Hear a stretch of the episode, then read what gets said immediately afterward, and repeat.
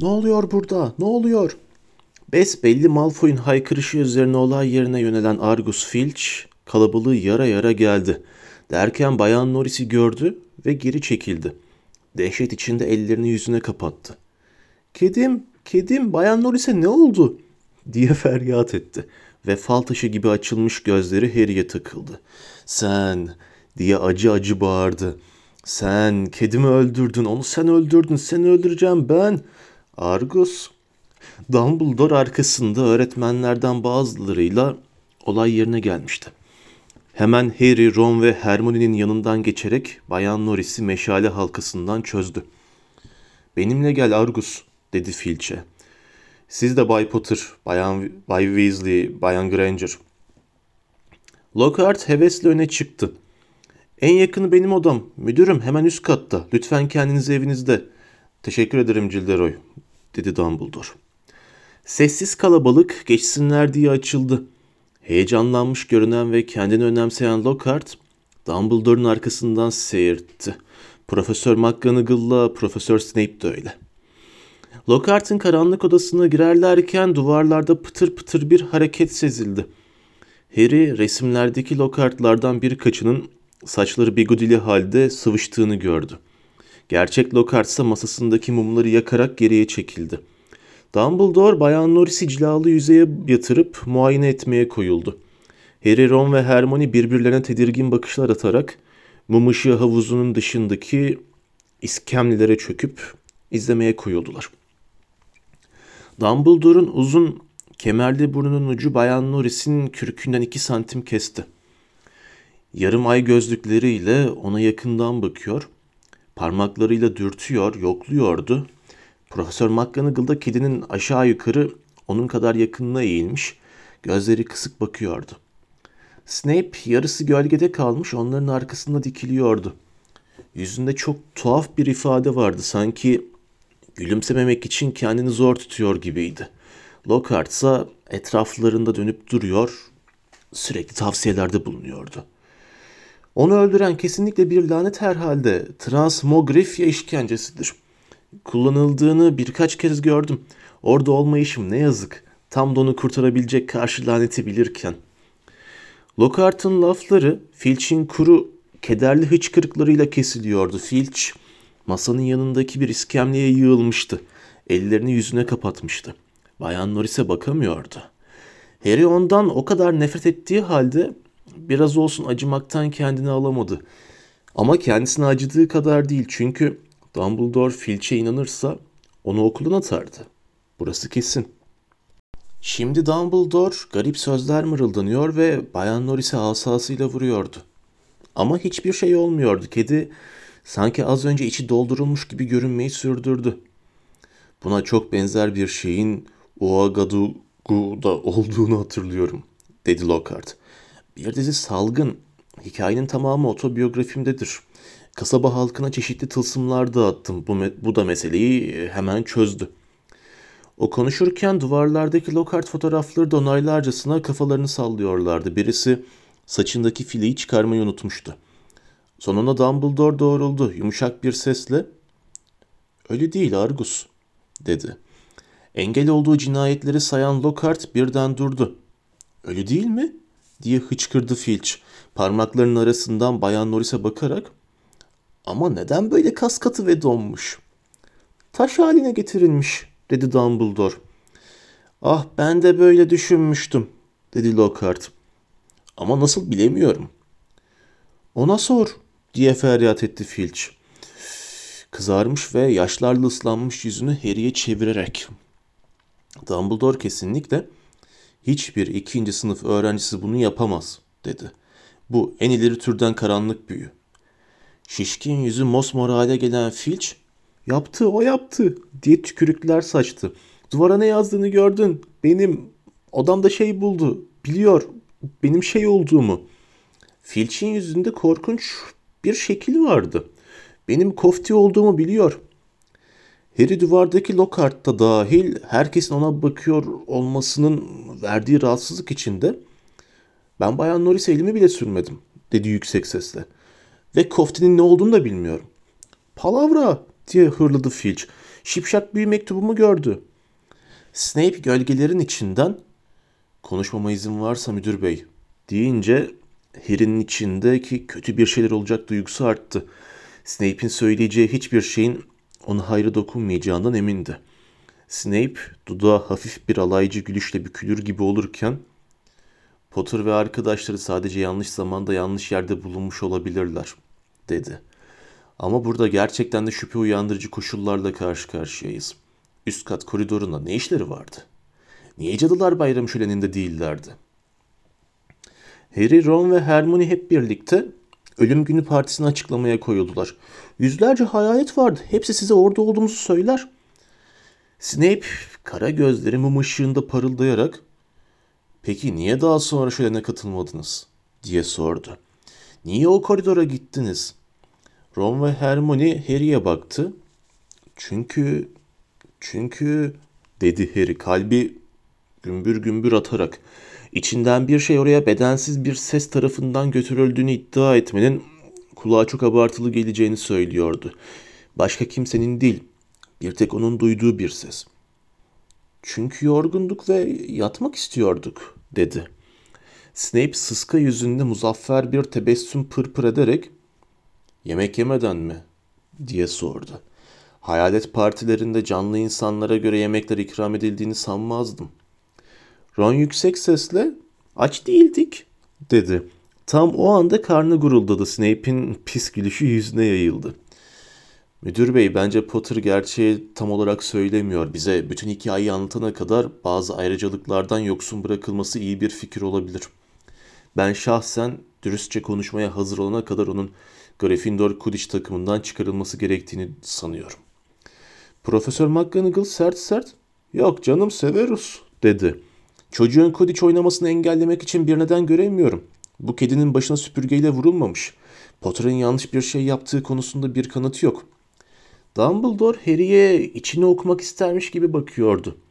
Pırıl pırıl açık mavi bakışı Harry'de röntgene girmiş duygusu uyandırdı. Kararlı bir şekilde Suçluluğu kanıtlanana kadar masumdur Severus dedi. Snape öfkeden deliye dönmüş gibiydi. Filch de öyle. Gözleri yerinden fırlayarak kedimi taşa çevirdi diye haykırdı. Birine ceza verildiğini görmek istiyorum. Dumbledore sabırla onu tedavi edebiliriz Argus dedi. Madame Sprout kısa süre önce bir takım adam otları elde etti. Onlar normal boylarına varır varmaz Bayan Norris yeniden canlandıracak bir iksir yaptıracağım.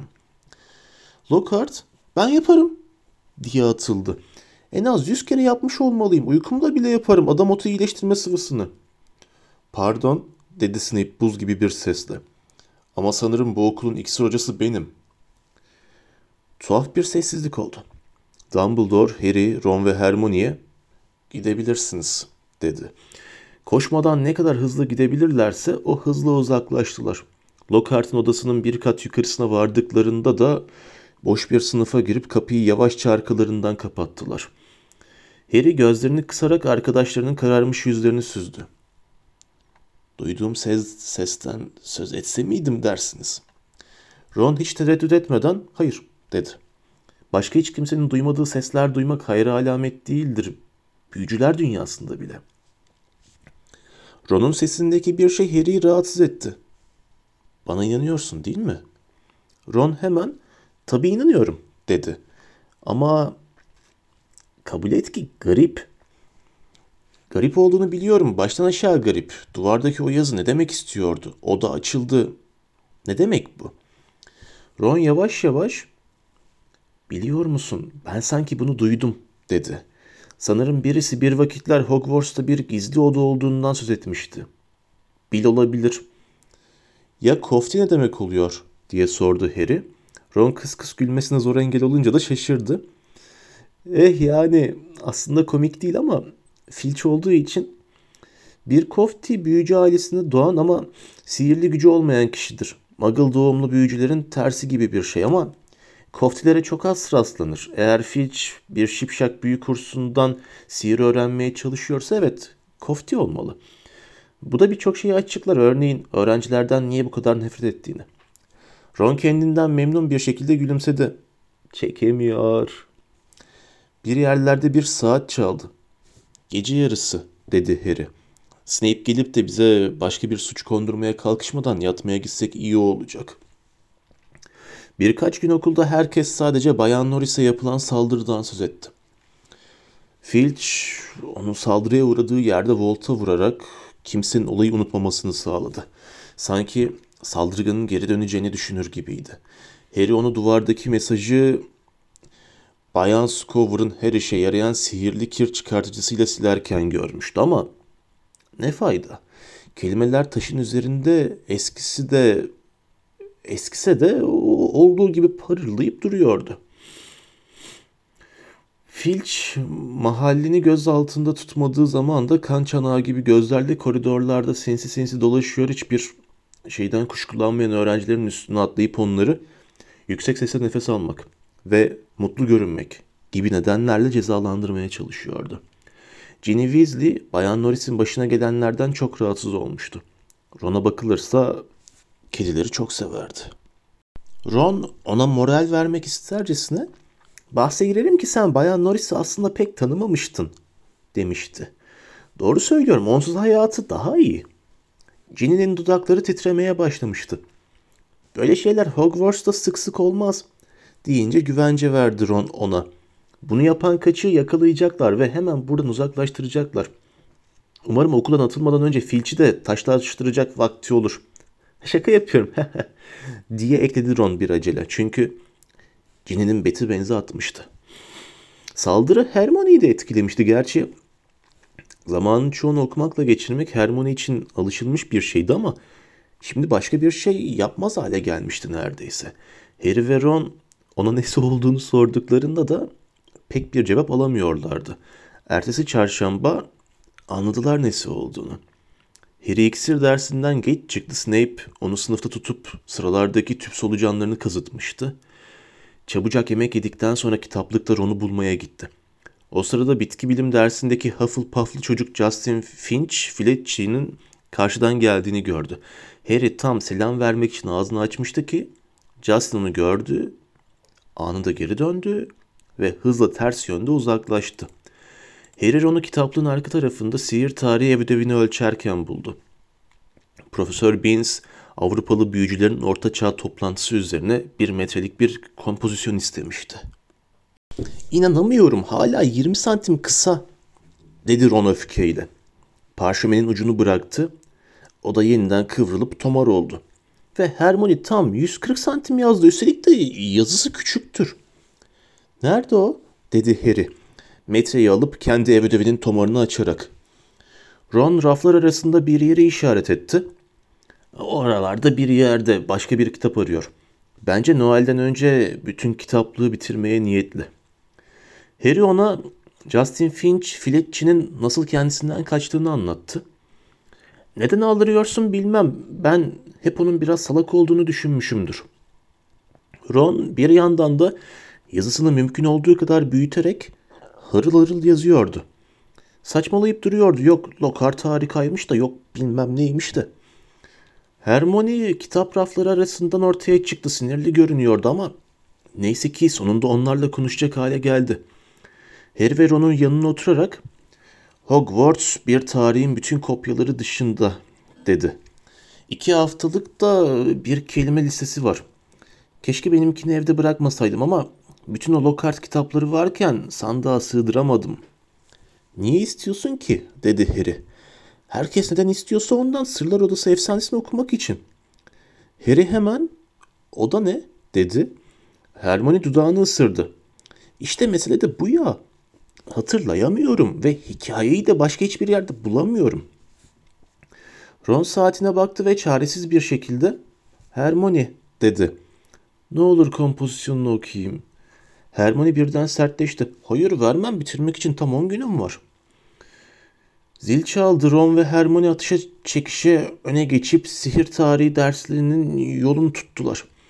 Sihir tarihi dersi programlarındaki en ruhsuz dersti. Derse Profesör Beans hayalet olan tek öğretmen giriyordu. Çoğu kişi çok yaşlı ve buruş buruş Beans'in öldüğünü fark etmediğini söylerdi. Beans ders vermek için ayağa kalkmış, bedenini öğretmenler odası şöminesinin önündeki koltukta bırakmıştı. Günlük temposu bundan sonra hiç mi hiç değişmemişti. Bugün de her zamanki kadar sıkıcıydı. Profesör Baines notlarını açtı ve eski bir elektrikli süpürge gibi yavan, yeknesak bir sesle okumaya başladı. Derken sınıftaki hemen hemen herkes sersemleşti. Bazen bir isim ya da tarihi yazmalarına yetecek kadar bir süreyle kendilerine geliyor ve sonra da yeniden uykuya dalıyorlardı. Profesör yarım saatleri konuşuyordu ki daha önce hiç görülmedik bir şey oldu. Hermione elini kaldırdı. Profesör Binns 1289 Uluslararası Büyücüler Konvansiyonu üzerine öldüresiye kasvet verici bir nutkun orta yerinde kafasını kaldırıp ona baktı. Bayan şey... Granger profesör dedi Hermione berrak bir sesle. Acaba bize sırlar odası hakkında bir şeyler anlatabilir misiniz diye merak ediyordum. Ağzı açık oturmuş pencereden dışarıyı seyreden Dean Thomas zıplayarak branşından kurtuldu. Lavender Brown başını kollarından kaldırdı. Neville'ın dirseği sıradan kaydı. Profesör Baines gözlerini kırpıştırdı. Kuru, hırıltılı sesiyle ''Benim dersim sihir tarihi.'' dedi. ''Ben olgularla uğraşırım Bayan Granger, mitler ve efsanelerle değil.'' Tebeşir kırılır gibi küçük bir sesle boğazını temizleyip devam etti. O yılın Eylül ayında Sarklonyalı büyücülerden oluşan bir alt komite kekeleyerek durdu. Hermione'nin eli yine havada sallanıyordu. Bayan Granger, lütfen efendim efsanelerin temeli hep olgularda değil midir? Profesör Binns ona öyle hayretle bakıyordu ki Harry daha önce diri ya da ölü hiçbir öğrencinin onun sözünü kesmediğinden emin oldu. Profesör Binns ağır ağır şey dedi. Evet sanırım böyle bir iddiada bulunulabilir. Hermione sanki daha önce hiçbir öğrenciyi doğru düz, düzgün görmemiş gibi baktı. Ancak sözünü ettiğiniz efsane son derece sansasyonel hatta gülünç bir hikaye. Ama şimdi bütün sınıf Profesör Binns'in her kelimesini can kulağıyla dinliyordu. Donmuş gözlerle hepsine baktı. Hepsinin yüzü ona çevriliydi. Harry onun böylesine sıra dışı bir ilgi gösterisi karşısında neye uğradığını şaşırmasını anlayabiliyordu. Yavaşça ''Aa evet'' dedi. ''Bir bakayım. Sırlar Odası.'' Tabii hepiniz Hogwarts'un bin yılı aşkın süre önce tam tarihi bilinmiyor, dönemin en büyük cadıları ve büyücüleri tarafından kurulduğunu biliyordunuz. Dört okul binasına onların adı verildi. Godric Gryffindor, Helga Hufflepuff, Rowena Ravenclaw ve Salazar Slytherin. Bu şatoyu birlikte yaptılar. Meraklı Muggle gözlerinden uzakta. Çünkü o çağ sıradan insanların sihirden korktuğu, cadılarla büyücülerin de fazlasıyla cezalandırıldığı bir çağdı. Durup sulanmış gözlerini odada gezdirdi ve devam etti. Kurucular birkaç yıl uyum içinde çalıştılar. Sihre yatkınlık gösteren gençler bulup onları eğitmek için şatoya getirdiler. Ama sonra aralarında anlaşmazlık çıktı. Slytherin'le diğerleri arasında uçurum büyümeye başladı. Slytherin Hogwarts'a kabul edilen öğrenciler konusunda daha seçici davranılmasını istiyordu. Sihir öğreniminin sadece öz be öz sihirbaz aileler arasında kalması gerektiğine inanıyordu. Muggle anne babası olan çocukları almaktan hoşlanmıyordu. Çünkü onların güvenilir olduklarına inanmıyordu. Bir süre sonra bu konu üzerine Slytherin ile Gryffindor arasında ciddi bir tartışma patlak verdi ve Slytherin okuldan ayrıldı. Profesör Binns yeniden duraklayarak dudaklarını büzdü. Kırışmış yaşlı bir tosbağaya benziyordu.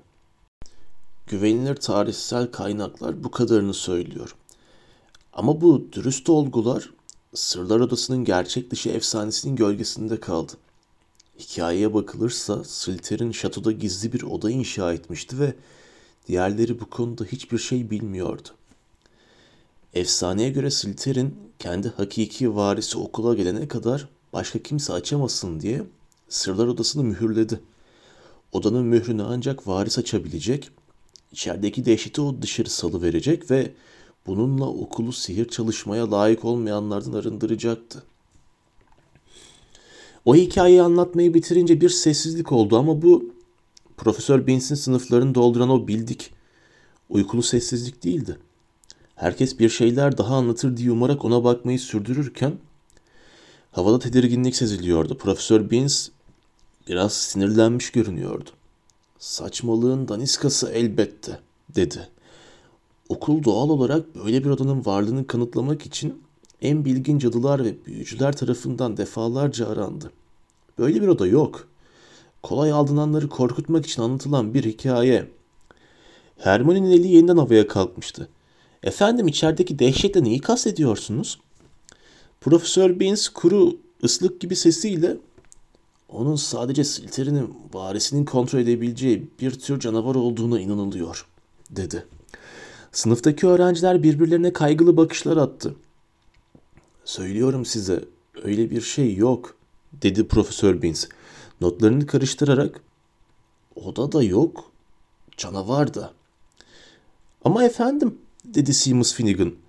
Eğer oda sadece Slytherin'in varisi tarafından açılacaksa başka hiç kimse de onu bulamayacak demektir değil mi?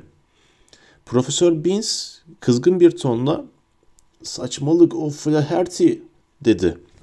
Eğer önce Hogwarts müdürü ve müdüresi onu bulmayı beceremediyse ama profesör dedi incecik bir sesle Parvati Patil. Onu açmak için kara büyü lazım herhalde. Bir büyücünün kara büyü kullanmaması kullanamadığı anlamına gelmez. Bayan Pennyfeather diye cevabı yapıştırdı Profesör Beans. Tekrar ediyorum eğer Dumbledore gibileri ama belki de Slytherin'le akraba almak gerekiyordur diye başladı Dean Thomas. Bu yüzden de Dumbledore ama artık Profesör Beans'in canına yetmişti. Bu kadarı yeter dedi sert bir edayla. Bu bir mit. Böyle bir şey yok. Slytherin'in değil o da gizli bir süpürge dolabı inşa ettiği konusunda bile kanıt yok. Hem de hiç. Size böyle aptalca bir hikaye anlattığıma pişman oldum. Müsaadenizle artık tarihe dönelim. Somut, inanılır, doğrulanabilir olgulara. Beş dakika içinde sınıf her zamanki uyuşukluğuna dalıp gitmişti. Dersin sonunda hınca hınç koridorlardan geçmeye çalışırlarken Ron, Salazar Slytherin'in yaşlı bir kaçık olduğunu biliyordum, dedi Harry ve Hermione'ye. Akşam yemeğinden önce çantalarını bırakacaklardı. Ama bu safkan işini onun başlattığından haberim yoktu. Bana para verseler onun binasında olmam. Doğru söylüyorum. Eğer seçmen şapka beni Slytherin'e koymaya çalışsaydı ilk trenle dost doğru eve dönerdim. Hermione hararetle başını salladı ama Harry bir şey söylemedi. Birden berbat bir duyguyla midesi kasılmıştı. Harry daha önce Ron'a da Hermione'ye de seçmen şapkanın ciddi ciddi onu Slytherin'e koymayı düşündüğünü söylememişti. Daha dünmüş gibi. Bir yıl önce şapkayı başına koyduğunda kulağına konuşan küçük sesi hatırlıyordu. Biliyor musun büyük usta olabilirsin sen. Hepsi kafanın içinde Slytherin'de büyük ustalık yolunda çok şey kazandırabilir sana. Ama Slytherin binasının kara büyücüler çıkarma konusundaki şöhretini zaten duymuş olan Harry mutsuzca şöyle düşünmüştü. Slytherin olmasın. Sonra da şapka demişti ki eh öyle istiyorsun madem Gryffindor. Kalabalıkla sürüklenirlerken yanlarından Colin Creevy geçti. Merhaba Harry. Selam Colin dedi Harry otomatik olarak. Harry Harry sınıfımda bir çocuk diyor ki sen ama Colin öyle küçüktü ki onu büyük salona doğru atan insan seninle karşı koyamadı. Görüşürüz Harry diye ciklediğini duydular. Sonra da gitti. Hermione sınıfındaki çocuk senin hakkında ne diyormuş acaba dedi merakla. Herhalde Slytherin'in varisi olduğumu dedi Harry. Midesi daha da beter kasıldı. Justin Finch Fletch'in öğle yemeği vaktinde ondan nasıl kaçtığını hatırlamıştı. Ron tiksintiyle buradakiler de her şeye inanır dedi. Kalabalık seyrekleşti. Bir sonraki merdiveni rahatça çıktılar. Ron gerçekten de bir sırlar odası var mı dersin diye sordu Hermione'ye. Hermione kaşlarını çattı. Bilmiyorum Dumbledore Bayan Norris'i tedavi edemedi. Bu da aklıma ona saldıranın şey olmadığını getiriyor. İnsan. O konuşurken bir köşeyi döndüler ve kendilerini saldırının olduğu koridorun sonunda buldular. Durup baktılar. Sahne tıpkı o geceki gibiydi ama artık meşale halkasından sarkan kaskadı bir kedi yoktu.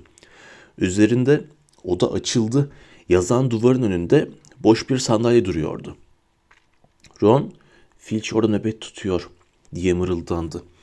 Birbirlerine baktılar. Koridor boştu. Harry çantasını yere koyarak bir göz atmanın zararı olmaz dedi. Dizlerinin üstünde sürünerek ipucu aramaya başladı. Yanık işaretleri dedi. Burada ve burada. Gel de şuna bak dedi Hermione. Ne tuhaf. Harry ayağa kalkıp duvardaki mesajın yanındaki pencereye gitti. Hermione en üstteki camı işaret ediyordu. 20 kadar örümcek besbelli camdaki küçük bir çatlaktan dışarı çıkmak için koşuşturuyordu. Uzun gümüşümsü bir bağ, sanki hepsi dışarı çıkmak telaşı içinde ona tırmanmış gibi ip misali sarkmıştı. Hermione hayretle örümceklerin hiç böyle davrandığını gördün mü? diye sordu. Hayır dedi Harry. Ya sen Ron? Ron? Omzunun üstünden geriye baktı Ron adam akıllı geri çekilmiş duruyordu. Koşup kaçma güdüsüne karşı direnir gibiydi. Ne oldu? diye sordu Harry. Ron gergin bir halde cevap verdi. Örümceklerden hiç hoşlanmam. Hermione şaşkınlıkla Ron'a baktı. Bundan hiç haberim yoktu. Defalarca iksirlerde örümcek kullandın. Ron pencereden başka her yere bakmaya özen göstererek ölü oldukları zaman aldırmıyorum dedi. Hareket ediş şekilleri hoşuma gitmiyor. Hermione kıkırdadı. Hiç de komik değil dedi Ron öfkeyle. İlle de öğrenmek istiyorsan ben 3 yaşındayken Fred oyuncak oyuncak ayımı iğrenç bir örümceğe dönüştürdü. Çünkü oyuncak süpürgesini kırmıştım. Ayına sarılırken birden bir sürü bacağı olsa senin de hoşuna gitmezdi. Titreyerek sustu. Hermione belli ki hala gülmemeye çalışıyordu. Konuyu değiştirmekte isabet olacağını hisseden Harry, yerdeki suyu hatırlıyor musunuz? dedi. O nereden gelmişti? Biri kurulamış. Kendini toparlayarak birkaç adım atan Ron, buradaydı, dedi. Filch'in iskemlesini geçmiş, eliyle işaret ediyordu. Bu kapıyla aynı hizada. Pirinç kapı tokmağına uzandı ama birden yanmış gibi elini çekti. Ne oldu? dedi Harry. Oraya giremeyiz kızlar tuvaleti. Ayağa kalkıp onun yanına gelen Hermione, hadi Ron dedi. Orada kimse olmaz ki. Orası mızmız Myrtle'ın yeri. Hadi gelin bir bakalım. Ve tuvalet bozuk yazısını aldırmadan kapıyı açtı. Harry'nin görüp göreceği en kasvetli, kederli tuvaletti burası. Büyük, çatlak ve lekeli bir aynanın altında bir sıra çentik çentik taş lavabo vardı. Yerler ıslaktı, şamdanlarında ağır ağır yanan küçücük kalmış birkaç mumdan gelen sönük ışığı yansıtıyorlardı. Tuvaletlere giden tahta kapılar pul pul kalkmıştı. Çizilmişti. Bir tanesi menteşelerinden sarkıyordu. Hermione parmağını dudaklarına götürdü ve sondaki tuvalete doğru yürüdü. Oraya gidince selam Myrtle dedi. Nasılsın? Harry ile Ron da bakmaya gittiler. Mızmız Myrtle tuvaletin sifonu üzerinde uçarak çenesindeki bir sivilceyle oynuyordu. Ron ve Harry'e kuşkuyla bakarak ''Burası kızlar tuvaleti'' dedi. ''Onlar kız değil.'' ''Hayır'' diye durumu kabul etti Hermione. ''Ben onlara sadece burasının hem ne kadar güzel olduğunu göstermek istedim.'' Elini belli belirsiz şekilde pis eski aynayla ıslak yerlere doğru salladı. Harry bir şey görüp görmediğini sor dedi. Ne fısıldıyorsun sen öyle dedi Myrtle ona bakarak. Harry çabucak hiçbir şey dedi. Biz şeyi sormak istemiştik. Myrtle ağladı ağlayacak bir sesle keşke insanlar arkamdan konuşmaktan vazgeçseler dedi. Benim de duygularım var biliyorsunuz öyle bile olsam. Myrtle kimse seni üzmek istemiyor dedi Hermione. Harry sadece kimse beni üzmek istemiyor ha buna bayıldım işte diye bağırdı Myrtle. Burada hayatım tam bir ıstırap içinde geçti ve şimdi de insanlar gelmiş ölümümü mahvediyor. Hermione hemen biz sana son zamanlarda burada tuhaf bir şeyler görüp görmediğini sormak istemiştik dedi. Çünkü Cadılar Bayramı'nda bu tuvaletin kapısının önünde bir kedi saldırıya uğramış. O gece buralarda birini gördün mü? dedi Harry. Myrtle dramatik bir edayla cevap verdi. Dikkat etmiyordum. Pierce beni öyle üzdü ki buraya geldim ve kendimi öldürmeye çalıştım. Tabii o zaman da hatırladım ki ben ben zaten ölüsün dedi Ron yardımcı olmak isteyen bir edayla. Myrtle trajik bir hıçkırık koyu verdi. Havada yükseldi, döndü ve tepesi üstü tuvalete daldı.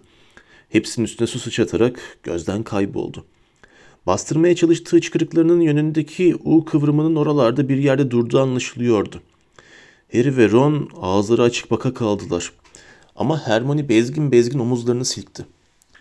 Doğruyu söylemek gerekirse bu Myrtle'ın neşeli anlarından biriydi. Hadi gelin. Harry Myrtle'ın suya boğulmuş hıçkırıklarının üstüne kapıyı henüz tam olarak çekmemişti ki yüksek perdeden bir ses üçünün de yerlerinden sıçramalarına yol açtı. Ron, Percy Weasley sınıf başkanı Rosetti pırıl pırıl yüzünde gerçekten şoka girmiş bir insanın ifadesiyle merdivenlerin başında kala kalmıştı. Orası kızlar tuvaleti dedi soluk soluğa. Sen orada ne? Ron şöyle bir bakıyordum diye omuzlarını sikti. An, anlarsın ya ipuçları. Percy Harry'e Bayan Weasley'i fena halde hatırlatan bir şekilde şişti. Oradan hemen çekil dedi. Uzun adımlarla onlara doğru geldi. Kollarını sallayarak üçün önüne kattı. Gören ne der aldırmıyor musun? Herkes akşam yemeğindeyken dönüp buraya gelmek. Olduğu yerde durup gözlerinden şimşekler çakarak Percy'ye bakan Ron hararetle ''Niye burada olmayacakmışız?'' dedi. ''Dinle o kediye parmağımı bile dokundurmadım ben.'' Percy öfkeyle ''Ben de Ginny dedim.'' dedi. Ama hala senin okuldan atılacağını düşünüyor. Onu hiç bu kadar üzgün görmemiştim. Ağla ağla gözleri çıkacak. Onu düşünebilirdin. Bütün birinci sınıflar bu iş yüzünden gereğinden fazla heyecanlandı. Kulakları kızarmaya başlayan Ron senin Ginny'yi aldırdığın yok dedi. Sen sadece öğrenciler başkanı olma şansını yitirmekten korkuyorsun. Percy ters ters Gryffindor'dan 5 puan dedi. Bir yandan da rozetine dokunuyordu. Umarım bu sana ders olur. Dedektifliği bırak yoksa anneme yazarım. Dönüp gitti. Onun ensesi de Ron'un kulakları kadar kırmızıydı. Harry, Ron ve Hermione o gece ortak salonda Percy'den mümkün olduğu kadar uzak koltuklar seçtiler. Ron hala çok sinirliydi. Muska ev ödevinde mürekkep lekeleri bırakıp duruyordu.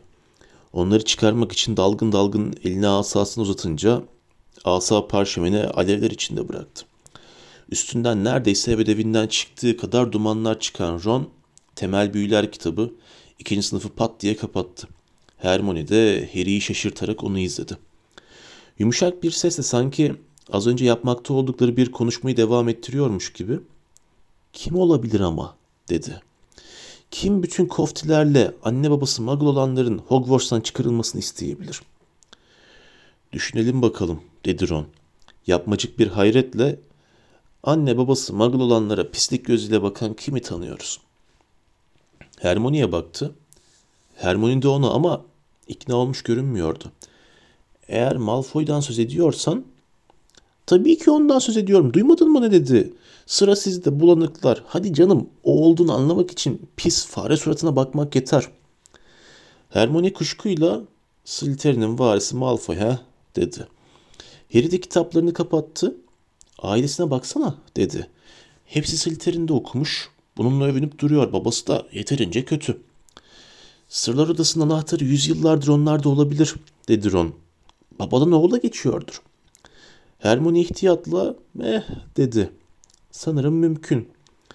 Harry umutsuzca, iyi de nasıl kanıtlayacağız, diye sordu.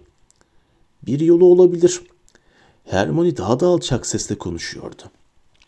Odanın karşı tarafındaki Percy'ye bir göz attı. Zor tabii ve tehlikeli, çok tehlikeli.